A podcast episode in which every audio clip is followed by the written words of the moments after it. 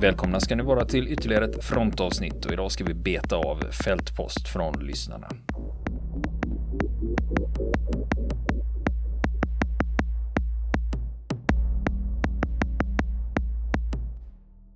Ja, Niklas, vi har ju en stadig ström av inkommande meddelanden, telegram och röksignaler. Ja, just det, just det. Till fronten.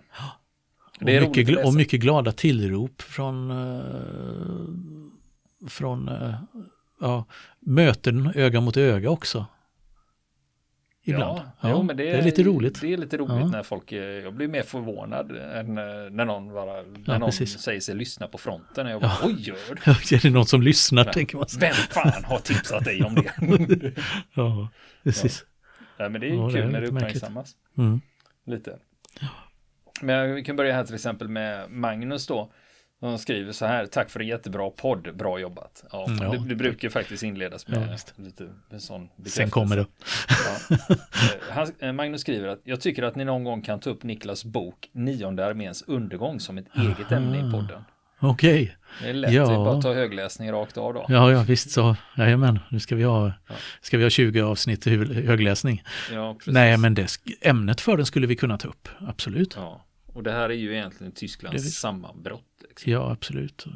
Och eh, jag skulle kunna ge lite glimtar från arbetet bakom boken också. För att det var, var spännande i vissa stycken. Jo, Personer man träffade och Nej, för och det bygger ju på mm. arkiv, fynd, veteraner och mm. tidigare forskning. Mm. Så att eh, det tror jag, det hade blivit, om vi tänker mm. oss nionde arméns undergång, boken bakom kulisserna då.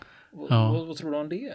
Ja. Sen behöver inte ha dig när du sitter framför din, bakom din bärbara mack och knackar in det. Det är ju inte så. Nej, då hade folk dött av leda. hade de gjort. Men, Men uh, arbetet bakom? Ja, absolut. Vi kan, precis, vi kan prata om vad som hände för de som inte har läst boken och vi kan prata om hur, eh, hur det, ja, forskningsarbetet bakom. Hur man traskar runt i polska leråkrar och så vidare det, är i sig en upplevelse. Mm. Ja men det var bra mm. tips. Eh, då mm. tackar vi Vi Magnus lovar. Ja, för det. vi lovar det. Mm. Vi, jag ska ta mig samman och mm. utsätta er för detta. Mm. Vi har fått meddelande från Marcus här. Han skriver Hej, har ett önskemål. Skulle det kunna göra ett eller flera avsnitt om slaget vid Hurtgenskogen och även följa mm. Easy Companys kampanj. Jag är ett stort fan av andra världskriget. Åh, oh, just det. Ja. Hurtgenskogen, det är intressant ett intressant skede är det när, när oddsen var hyfsat jämna mellan amerikaner och tyskar under, under de striderna hösten, vintern 44, 45. Eller hösten 44 framför allt. Um, och eh, det kan vi mycket väl ta upp. Jag är lite skeptisk till att ta upp Easy Company bara därför att det finns så mycket skrivet om det. Och, ja, men det, det, jag, märker, jag märker det alla forum man pratar ja. och liksom Band of Brothers dyker upp hela tiden. Ja. Men som ett tips då, gillar när ni gillar ni Band of Brothers, läs boken. Ja. För att den, den, Stephen finns, Ambrose, författare ja, då, brittisk precis. historiker. Ja, och sen vill man mm. sen gå vidare så har ju även Dick Winter skrivit bok om det här. Det. Och, så det finns ju flera andra böcker ja. som tangerar det här. För det, det blev ju som en sån våg, va? intresset. Och sen är det bra att veta att i tv-serien så finns det ju flera saker Mm. Som, som in, det finns saker i boken som inte är med i tv-serien. Va? Mm. Till exempel Operation Market Garden. Där Easy Company var med. Mm. Så det är ju helt, det är ju inte med alls. Så det blir ju lite rapsodiskt i tv-serien. Ja, det, av nödvändighet är ju det mediet så när man gör en film om någonting. Ja. Att det blir ju så. Eller att man får justera en del saker för att det ska fungera i en film. Fast det, det kanske var något annorlunda i verkligheten och så. Men eh, alltså min skepsis till att göra någonting om just Easy Company är, är ju just att det, det är, finns så mycket skrivet. Och ja, det är jättepopulärt. Vi vet det. Eh, men eh, men jag skulle hellre vilja titta lite vid sidan om och se vad man kan hitta. Där, där, där ljuset inte lyser som starkast så att säga. Jag har en sån. Mm. Det är, jag funderar så här, Captain Sobel. Ja. Vad hände med honom? Ja, egentligen? just det. Den jag, är ju faktiskt intressant. Ja, jag rotade reda ja. på det där. Och ja. Eh, ja. han var ju med sen i kriget. Eh, det var han ju och blev dekorerad och så vidare. Mm. Eh, även om han inte fick, han fick ju inte behålla Easy Company. Nej. utan han fick ju. Eller soldaternas kärlek. Ja, Mm. Men hur som helst, efter kriget så mm. ja, det går väl sådär för honom och han har lite problem med eh, det blir skilsmässa och, och, lite alkoholism och sådana saker och det slutar med att han eh, försöker ta livet av sig. Han skjuter sig i tinningen med en pistol. Ja. Men överlever. Mm. Problemet är att han skjuter av synnerverna. Mm. Så han blir blind återstoden av sitt liv. Jag tror han lever ungefär tio år till. Tragiskt. Så det är sånt eh, mm. tragiskt öde. Och det, är väl, mm. och det är väl också en sån sak man eh, inte gärna pratar om när det gäller the, vad man pratar om the greatest generation. Det vill mm. säga de som var födda då på 20-talet. Mm. Och de som först gick ut och räddade världen mm. från dess undergång och nazismen. Ja. Och eh, sen kom hem och byggde upp eh, USA. Med, som, med ett fullt industrialiserat samhälle med välstånd. Mm. Så det är ju därför de hade smeknamnet The Greatest Generation. Ja. Men där är det också, men för nu, nu för tiden när vi pratar om PTSD och sådana mm. saker och folk känner till det, det var ju kanske inte, det var inte, inget begrepp som användes vid den tiden. Nej. Men det är klart att det var många av de veteranerna som bar med sig. Mm. Och hade de eh, levat idag eller man frågat deras levande släktingar så hade de kunnat man presenterar de här ja, kriterierna för PTSD så hade de kunnat säga ja just det, det var min. Ja, check, check, check, check. Just det. Ja. Eh, vi kan väl säga så här, jag ska inte stänga dörren helt på min sida, utan vi säger så här att om ni vill att vi ska göra någonting eh, om just Easy Company eh, så får ni, ja det räcker inte med att bara önska i då fallet, utan då får, ni, då får ni skicka med en ruggigt bra förklaring eh, eller motivering som kan göra oss entusiastiska över det. Ja, för det, alltså det, är det, ja.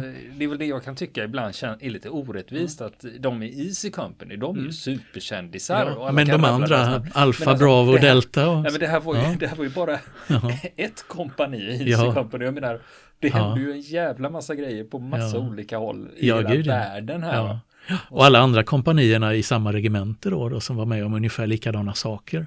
Mm. Då, som hamnat alltså, helt i skuggan av Easy Company. Var du inte med i Easy, då räknas ja, du Nej, då är det inte så intressant. Nej, men, eh, men eh, som sagt, vi stänger inte dörren helt, men eh, lite uppförsbacke kommer det vara för er som önskar det. Att vi ska prata mer om dem. Mm. Och tackar vi Marcus för det. Eh, sen eh, fick jag ett mejl här eh, och då var det en av våra lyssnare som hade synpunkt på att eh, vi borde sluta använda svordomar. Vi har väl för fan inte svurit.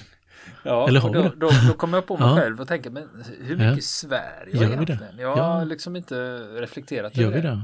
Ja, det gör vi kanske. Jag brukar göra det i vardagsspråk ganska mycket ja. så att det är mycket möjligt att jag gör det. Jag har mm. faktiskt inte tänkt på det. Men å andra sidan, vi har ju faktiskt en explicit markering på iTunes. Ja, det. det betyder ju att vi varnar för Ja. Det kan ju varna för grovt språk. Vi varnar ju ofta då för att det kan vara Grovt innehåll, detaljerade ja. skildringar Precis. av krigsskador till exempel. Eller Precis. Något sånt då. Men eh, ja, ja, vad ska vi säga? Vi, vi ber om ursäkt om du tycker, till det som tycker att det är otrevligt med svordomar, men eh, vi får väl ändå säga att när, när det kan vara motiverat i sammanhanget så kommer nog vårt språk inte vara helt befriat från det. Mm. Jag undervisade i journalistik för flera år sedan mm. och då fick jag ofta frågan av journaliststudenterna där, får man svära i radio och tv? Mm. Och jag sa, ja det får du, men du måste fortfarande kunna motivera varför du gör det så det inte blir ett slentriansvärande. Va? Nej, precis. För att det är liksom, det är fortfarande kraftuttryck och allt sånt ska man ju vara lite varsam med. Exakt. Så att Exakt. Eh, man måste ju mm. fortfarande mm. väga det. Ja, att, eh, precis. Ja, intressant. Sen har vi fått in eh, fältpost här från Henry. Eh, mm. Hallå Henry. Hej Henry. Mm. Jo, och det som är intressant här, du kommer mm. ihåg, vi pratade om Operation Praying Mantis. Jajamän. Det vill säga i Persiska viken mm. var ju det här. Just det. Och, och, och där nämner vi Boghammar, mm. de här båtarna. Boghammers, ja. Boghammers, de båtar som Iran använde. Eh, Henry vill göra ett förtydligande. De är inte tillverkade i Mälardalen utan av Boghammars varv på södra Lidingö. Och varvet finns fortfarande. Det kan ja. vara att jag har sagt att det var Mälardalen. Ja, att du har sagt ja, visst. Det kan ha farit med att vi har varit lite oprecisa där med geografin. Ja. Och Henry har ännu mer att bjussa på. Han säger ja. så här. Vad som vidare är intressant med Boghammar är att det var här som Saabs flygtillverkning startade. Efter första världskriget fick Just Tyskland det. inte bygga flygplan. Som av en händelse etablerade sig tyska på Lidingö och startade flygplanstillverkning. Detta var även Boghammars varv och denna flygverksamhet blev sedan en del av Saab. Mm. Mm. Just det. Ja, intressant. Det är en anrik ort med andra ord. Ja, ja visst. Nej, men det är alltid är intressant att se ja. de här kopplingarna. Och det är alltid skoj. Eh, alltså, mm. Jag vet om att folk har åsikter när det gäller exporterat svenskt material, men jag kan ändå bli lite så här, oj, svenska grejer. Ja, precis. Eh, sen har vi en ganska kort fråga här från Ted. Det är, tackar för program och det arbete ni lägger ner, men jag har en fråga. Spelar ni Man of War som handlar om de olika fronterna under andra världskriget? Man of War? Man of War. Mm, är det inte ett band? Man of War. Ja, Man of War, ja. ja visst. Amerikanska Ja, visst. Death to Falls med. Ja, precis. Eh, nej, nej. Jag, jag, spelar inte Man of War. Nej, det gör jag inte. Spelar du något spel nu för tiden? Eh, ja, jag har, jag har ju snöat in på eh, eh, den här serien Airland Battle och eh, de ett antal expansion, de har några år på nacken nu. Men lite kalla kriget, eh, 80-tal, 70-tal i Europa och Asien. Eh, det kan jag plocka fram ibland när jag behöver lite förströelse. Mm. Förstörelse. Ja, jag, jag har faktiskt blivit, det, jag, jag håller fortfarande mm. på med Battlefield 4. Mm. Eh, och det är ju så här att jag har blivit lite försiktig med det där spelandet. För det är nämligen så här att jag tänker, äh, jag spelar en liten stund, tio ja. minuter har jag liksom. Sådär. Ja. Och så sätter man sig och så kommer fråga, men vad, vad, håller du på med? Och så har det gått fyra timmar. Ja, visst. För man, jag sugs in i det här. Va? Och sen blir det också lite tävling i det. Ja, exakt. Så att eh, det gör ju också att man gör, men det är också det här att eftersom jag spelar så sällan mm. så påbörjar jag inte nya spel. För då måste jag eventuellt lära mig nya handgrepp, ny metodik om man inte håller sig till exempel i Battlefield-serien. Mm. Så att eh, då krävs det, men det är eh, sällan och det är synd för jag är ju gammal mm. gamer liksom, ja. gammal Commodore 64 mm. generation. Just det, just det. Spela mina första strategispel på eh, Commodore 64. Ja. Men, Theater Europe, spelar du det någon gång? Ja, det känner jag igen. Det var ett strategispel som det var när ja. tredje världskriget i Europa. Så kunde du välja var du skulle placera dina förband och sådär. Väldigt, väldigt enkelt mm. och avskalat i och för sig. Just det, just det. Ja, de, för, de första var ju liksom bara eh, brädspel direkt översatta till mm. dator. Kommando Libya. Ja, nej, det spelar jag aldrig. Du vet vad det är? Ja. det, var, det var, för er som inte är med till och Commodore 64-generationen så kan jag säga ja. att det här var en av de mest kontroversiella spelen som fanns på mm. 80-talet. Det byggde på att man skulle skjuta lite. Sen mm. kom det en, en, situation där du skulle utföra en eh, arkebusering, en mm. avrättning alltså. Mm. Och det var det som var våldsförhärligande mm. och mm. förråande. Moralpanik. Ja, och spelet hette Commando mm. Libya. Jag tror det borde finnas på någon ja. eh, tillgänglig ja. någon flashad. Ja, precis. Det går säkert att hitta. Det... Eh, jo, eh, vi har fått meddelande från Björn här. Eh, han skriver så här, vet inte om ni berört detta innan eller om ni vet det men inte har tagit upp det. Jag tyckte dock det var lite roligt. Det är att han har snubblat över en bild från Saint-Malo Saint-Malo ligger ju på mm. Atlantkusten i Frankrike då. Och Precis. så börjar han läsa lite om eh, bunkrarna där. Och så säger han så här att det visar sig att Falklandsöarnas spanska namn Ilas Malvinas kommer ifrån vad man kallar invånarna i Saint-Malo. Så från Saint-Malo till Malvinerna. Mm. Och det, eh, mm. det är alltid kul med anekdoter till allas vårt favoritkrig. Ja. det tackar vi för. Ja, intressant att höra. Ja, det han pratar om då, mm. det är att, eh, så han skriver så här också, att tipset består egentligen i anekdoten. Mm. Och samt hade det varit intressant med ett avsnitt om dessa lite i alla fall för mig mindre kända slagen runt dagen D, som mm. Sam Malå då. Just det. Eller rättare sagt problemen som uppstod när man väl skulle börja röra sig från stränderna. Just det. Och det var ju stora problem man ja. hade där. Och då kan man ju inte ringa Niklas Kristoffersson som har D-dagspodden för hans kunskaper slutar ju vid midnatt nej, jag skojar bara. Skämt åsido. Nej, Han kan nog sin sak nej, där också. Ja, nej, mm. vi har ju tipsat om mm. hans podd flera ja, gånger. Just det. D-dagen. D-dagen heter ju den podden. Just det. Utmärkt, eh, mm. utmärkt podcast om man är intresserad av sånt. Mm. Som vi är intresserade av. Mm. Men det finns många, många intressanta saker i eh, kring Normandie efter landstigningen där som eh, Eh, att titta på för fronten. Eh, så många bra uppslag och så lite tid. Mm. Eh, frustrerande ibland. Ja. Ja, ja, jo, det är ju så att eh, vi har ju idélist. Jag, har ju, jag vet inte mm. hur du arbetar, men jag, jag skriver ju ner listor mm. på tänkbara grejer. Jo, som jag har också en kladd. frontavsnitt. Och de är, den, blir, den blir så lång och så, så mejlar folk in, men det här var kul. Och man mm. bara, ja men det är klart. Ja, ja så lägger man till. Så, blir så det att ibland får ja. man ju slå till då. Uh, här har vi fråga från Dan. Tjena Dan. Hej Dan, jag har med stor glädje hittat er podcast och lyssnat igenom flera avsnitt redan. En fråga som jag dock inte fått svar på, jag kan ha missat, och som ni skulle upplysa svaret på i ett avsnitt är ju vem som gick segrande ur drabbningen mellan SES, SBS och den argentinska motsvarigheten till Navy Seals.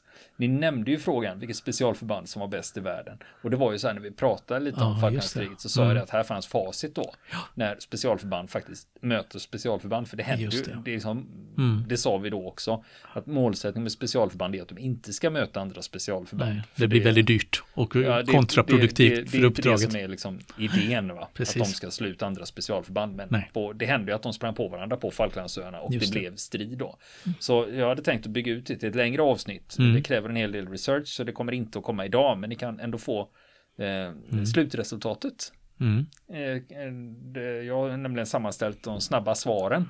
Vem Jaha. som vann va? är det data och precis, okej. Okay. Ja, så det här är nästan lite som tips extra då.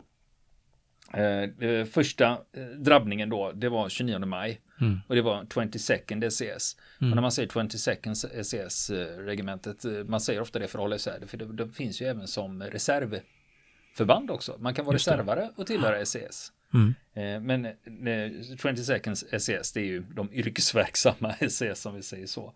Då träffar de på det argentinska specialförbandet 600, 602 kommandos.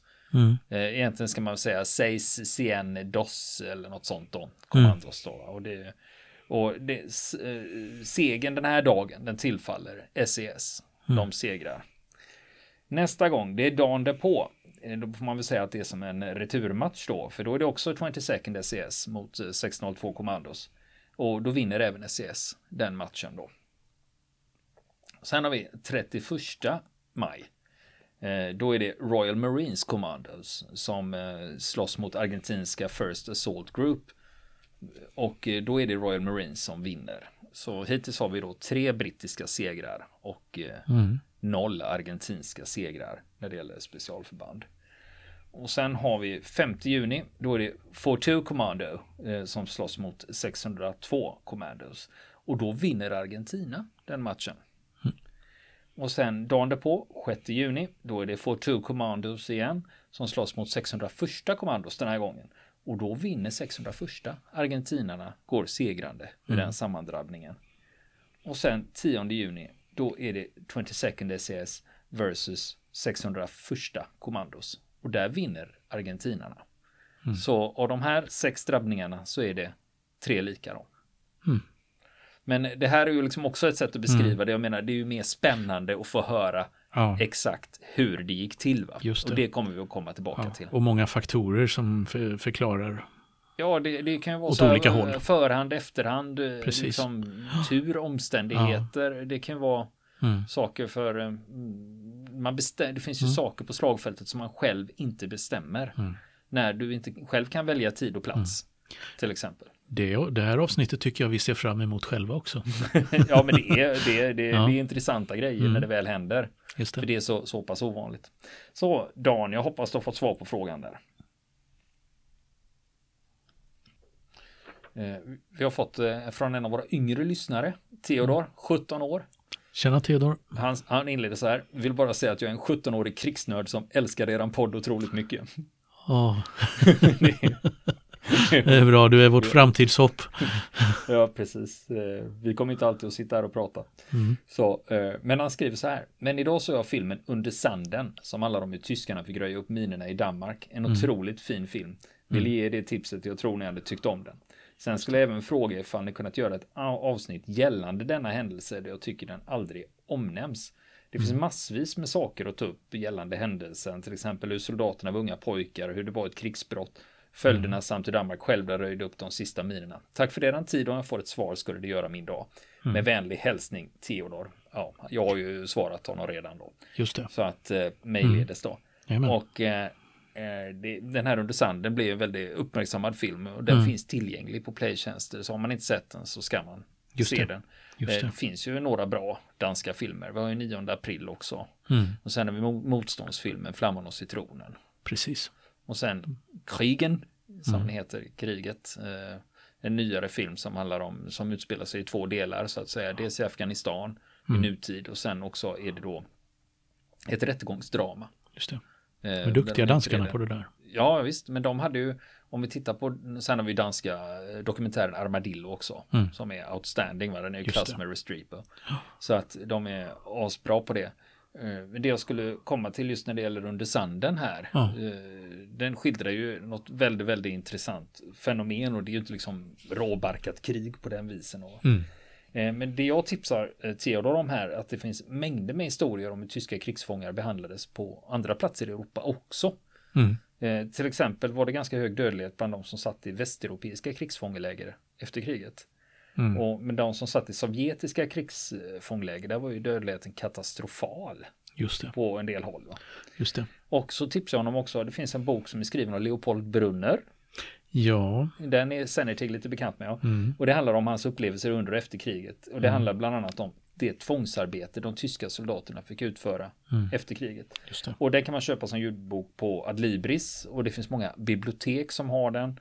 Mm. Och nu, mitt tips är att gå bara till ditt lokala bibliotek och fråga efter den så hjälper de dig. Mm. Och har de den inte inne så kan de beställa den.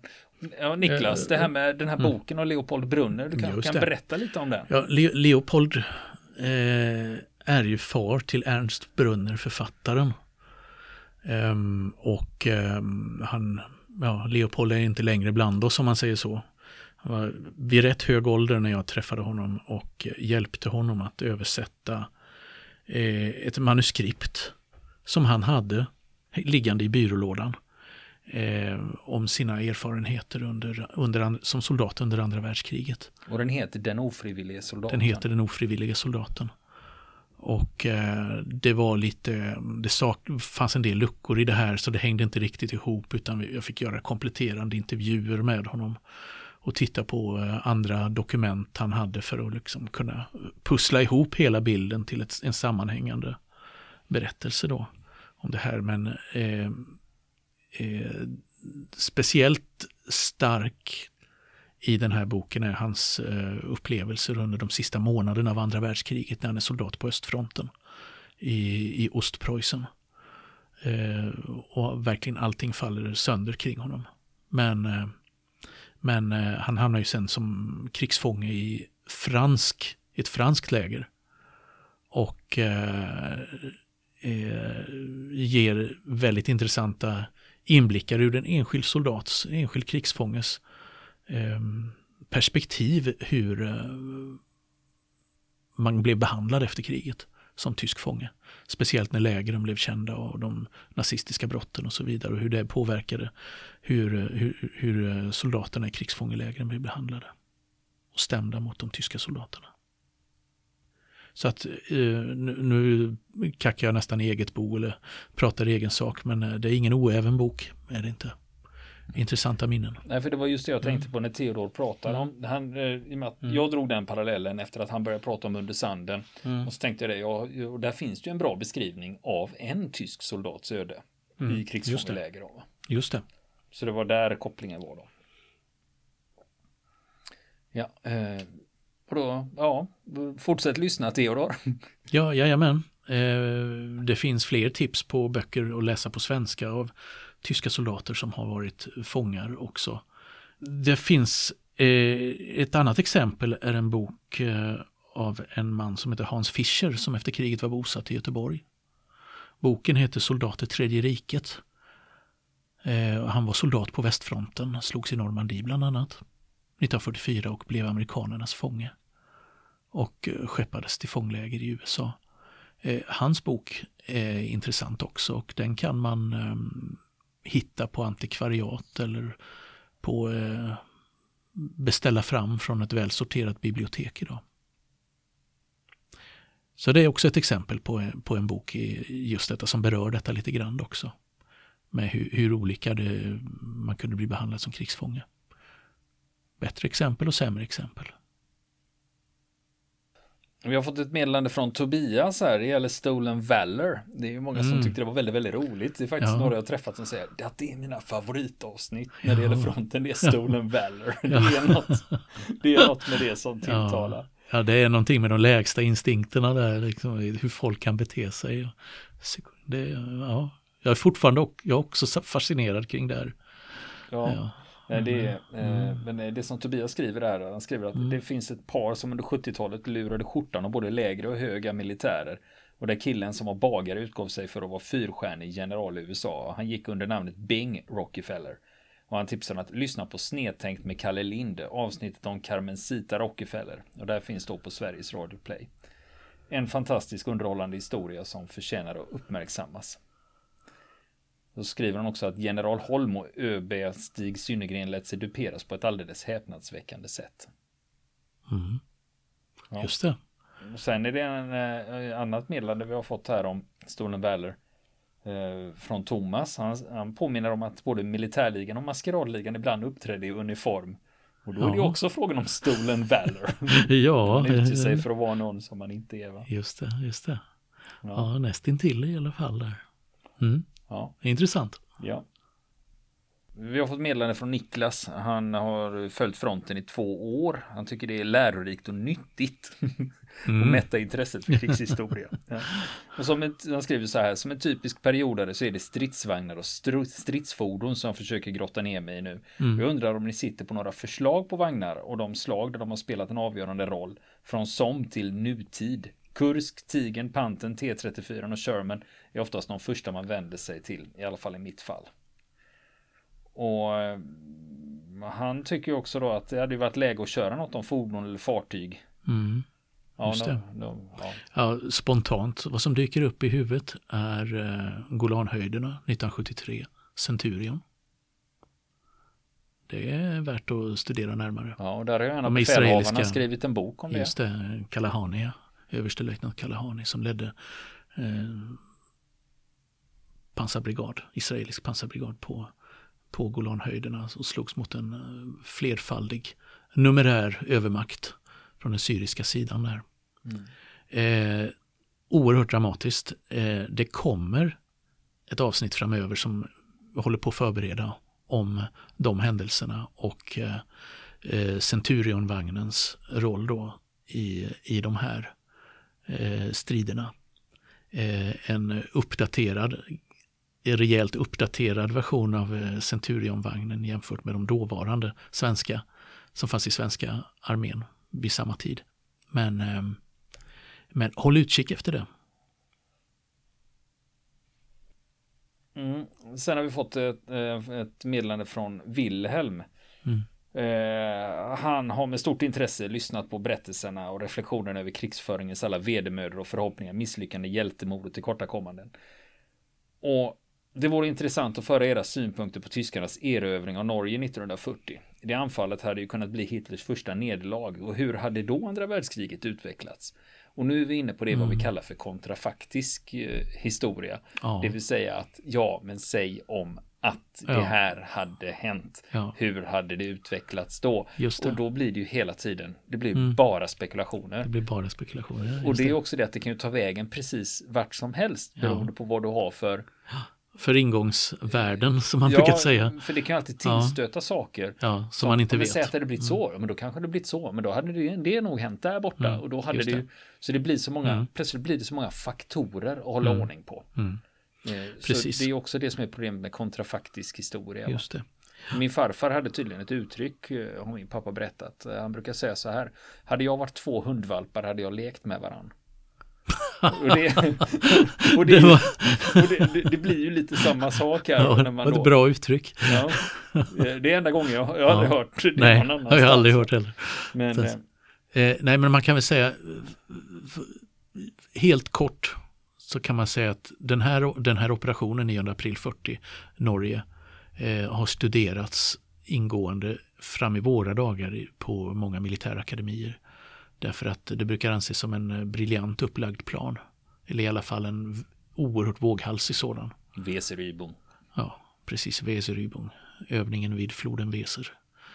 Eh, och eh, för den har många på den tiden eh, kan man säga, väldigt vågade moment.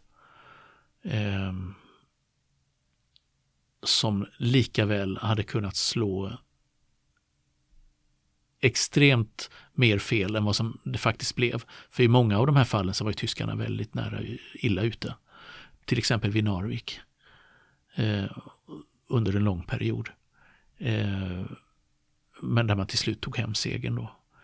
Eh, men eh, man ska titta rent kontrafaktiskt på det. Jag, jag, brukar undvika det där, men man kan, man kan säga eh, en sak i alla fall kring det här. Och det var ju att man, man förekom ju med eh, eh bara några dygn en brittisk operation eh, i, i, i Skandinavien.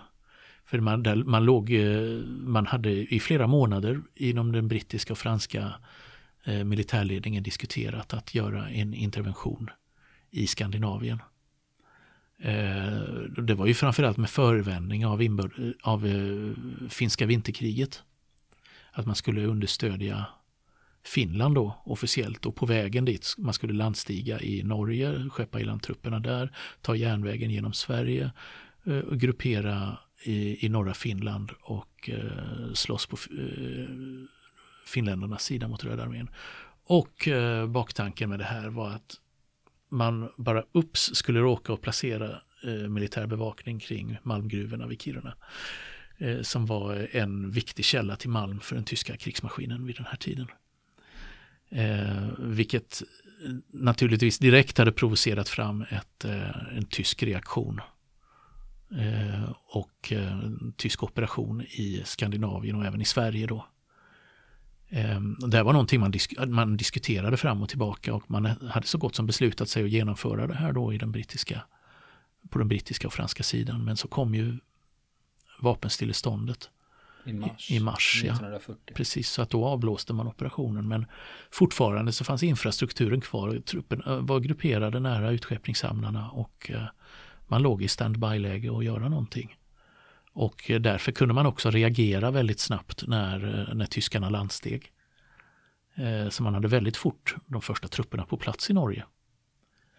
Ehm, och, men säg, säg, att, säg att man hade faktiskt gått in och tagit Malmfälten, då hade Sverige absolut varit indraget i kriget. Om, Tys om Tyskland hade, för, hade misslyckats i Norge, eh, vart skulle Tyskland re retirera då?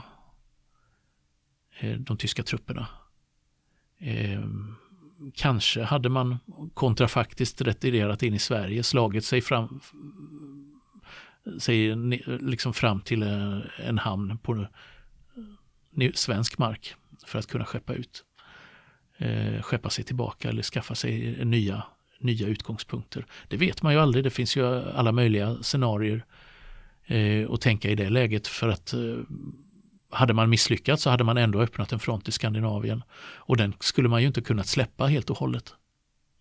Skulle man inte, även även om man blir tvungen att retirera från Norge så skulle man ju få en öppen Tyskland strategiskt sett få en öppen flank i norr. där det fanns fientliga trupper. Brittiska och franska trupper. Det skulle man inte kunna, kunna tolerera. Därmed hade Sverige definitivt blivit en krigsskådeplats. Tidigt under andra världskriget. Om tyskarna hade, hade lidit nederlag i Norge. Det, jag, det tror jag man skulle kunna säga att Eh, det hade varit en eh, sannolik följd av en tysk förlust i Norge. Mm. Då hoppas vi att du har fått svar på din fråga där, Wilhelm. Vill ni komma i kontakt med oss så kan ni göra det via vår Facebook-sida som heter Fronten. Det är inga problem för er att leta er fram där. Eller också så mejlar ni på vår mejladress och det är frontenpodcast@gmail.com.